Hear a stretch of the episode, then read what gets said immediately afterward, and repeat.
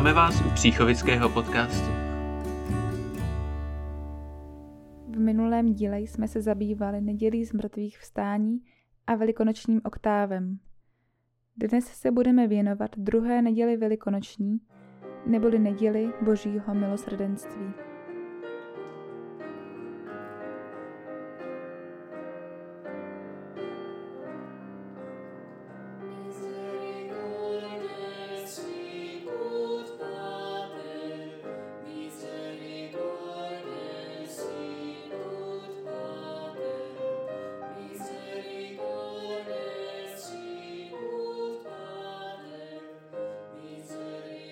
Podle staré tradice se první neděle po velikonocích nazývá Bílá neděle.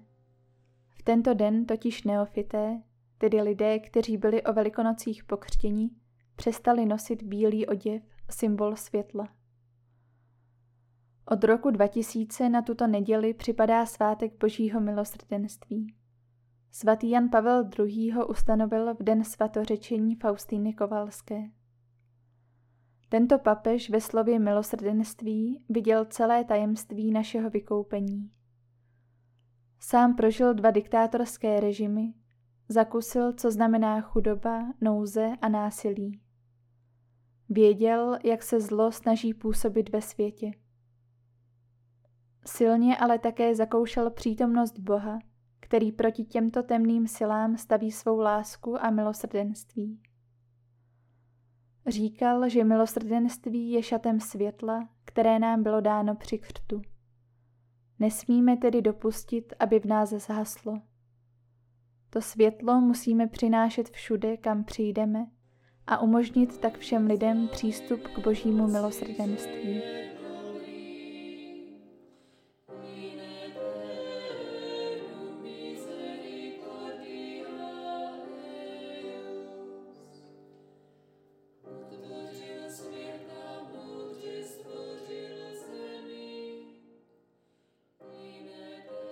Svatá Faustína Kovalská byla polská řeholnice.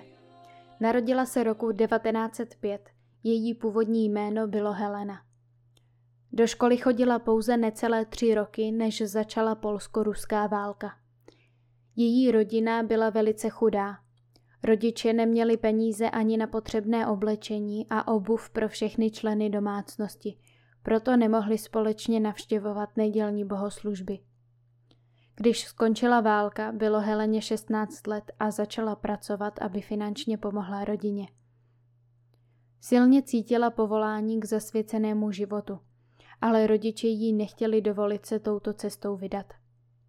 Nakonec od rodičů utekla a hledala klášter, kde by ji přijali. Stala se řeholnicí kongregace sester božího milosrdenství. Prožívala různé mystické zážitky s Ježíšem, který jí mimo jiné ukázal očistec. Dával jí také poznat, kolik toho pro ní vytrpěl. Ona sama zakoušela veliké utrpení, které vždy obětovala za spásu duší. Prožívala období temnoty a obrovských pochybností, ale také fyzické bolesti.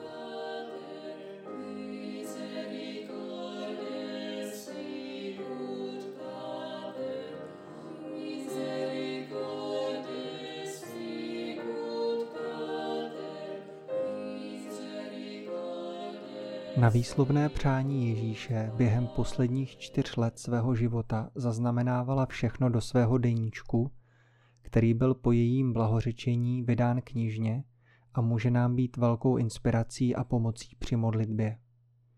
Roku 1931 měla vidění Ježíše oblečeného do bílých šatů. Jednu ruku měl pozdviženou k žehnání a druhá se dotýkala šatů na hrudi, odkud vycházely dva velké paprsky. Jeden měl barvu krve a druhý barvu vody. Po chvíli Ježíš řekl, namaluj obraz podle toho, co vidíš, s nápisem Ježíši důvěřuji ti. Toužím, aby byl tento obraz uctíván nejprve ve vaší kapli a pak na celém světě. Slibuji, že duše, která bude tento obraz uctívat, nezahyne.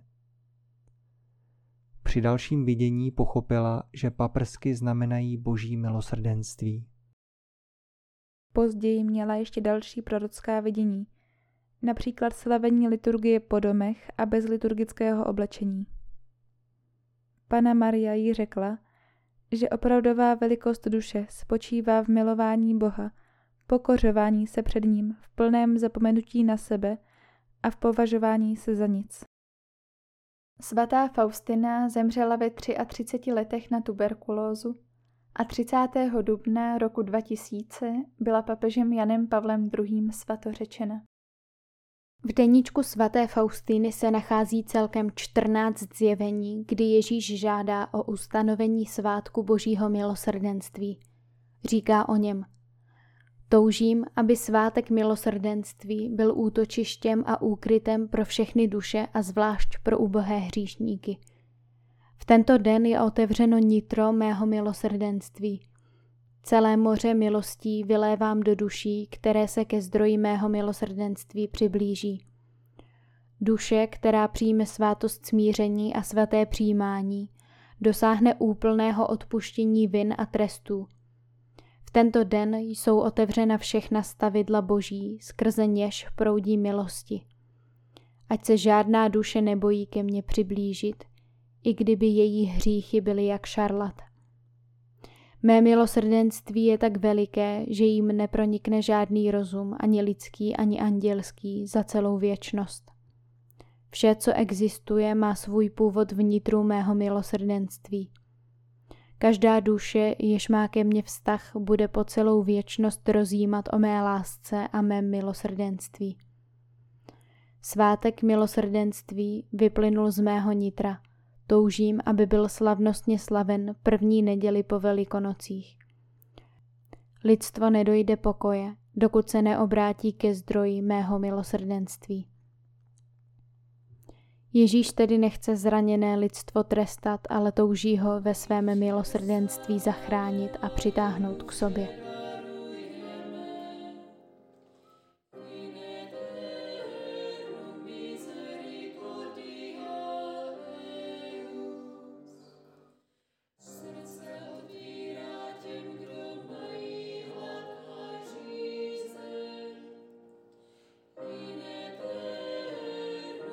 Modlitbu korunky k božímu milosrdenství nadiktoval pán Ježíš svaté Faustině jako modlitbu na zmírnění hrozivých následků hříchů, které by jinak spravedlivě dolehly na lidstvo. Když se modlíme tuto korunku, obětujeme Bohu Otci tělo a krev, duši a božství Ježíše Krista a současně prosíme o milosrdenství pro nás a pro celý svět. Ježíš k tomu dodává, Neustále se modli korunku, kterou jsem tě naučil. Každý, kdo se jí bude modlit, dosáhne velkého milosrdenství v hodině smrti. Kněží ji budou dávat hříšníkům jako poslední záchranu. I kdyby byl hříšník sebe víc zatvrzelý, jestliže se jen jednou pomodlí tuto korunku, dosáhne u mého nekonečného milosrdenství milosti. Přeji si, aby mé milosrdenství poznal celý svět. Nesmírné milosti toužím dávat duším, které důvěřují mému milosrdenství. Je to tedy velice mocná modlitba k vyprošení obrácení hříšníků a osvobození od moci zla. Skrze korunku předkládáme Bohu utrpení a rány jeho syna jako to jediné, co je schopno vyvážit tíhu spáchaného zla. Boží milosrdenství pak brání, aby člověka postihl trest, který by si zasloužil. Přípravou na tento svátek je novéna k božímu milosrdenství, která začíná na Velký pátek. Poukazuje tak i na spojitost, že prameny milosrdenství z Ježíšova probodného boku vytryskly právě v okamžiku, kdy se za nás ve své lásce úplně vydal. Novéna spočívá v modlitbě korunky, skrze kterou přivádíme každý den k Bohu určitou skupinu lidí.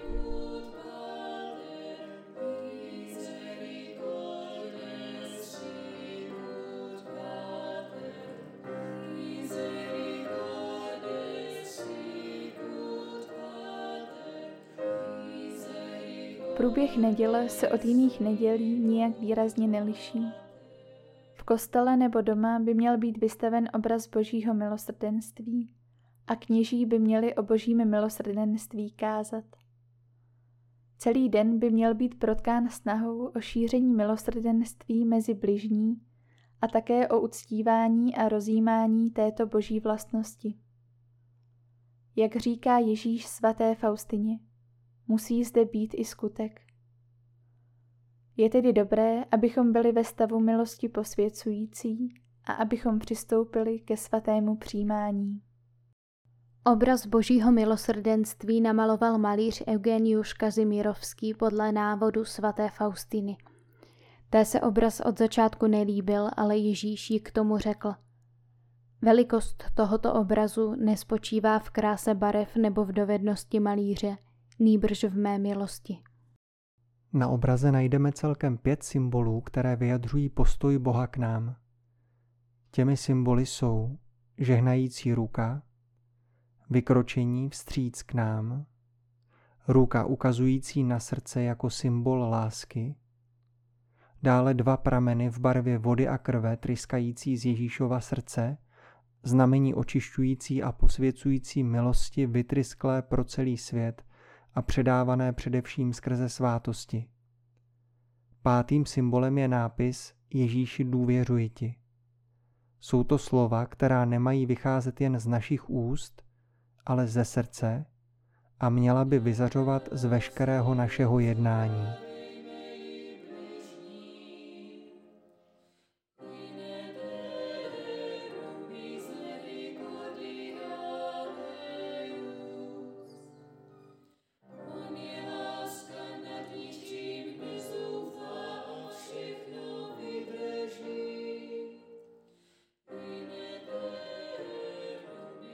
Kéž v nás tedy tento Ježíšův postoj probudí důvěru, abychom se nebáli přimknout k Ježíši a abychom v jeho probodeném srdci načerpali milosrdenství, které zraněný svět tolik potřebuje.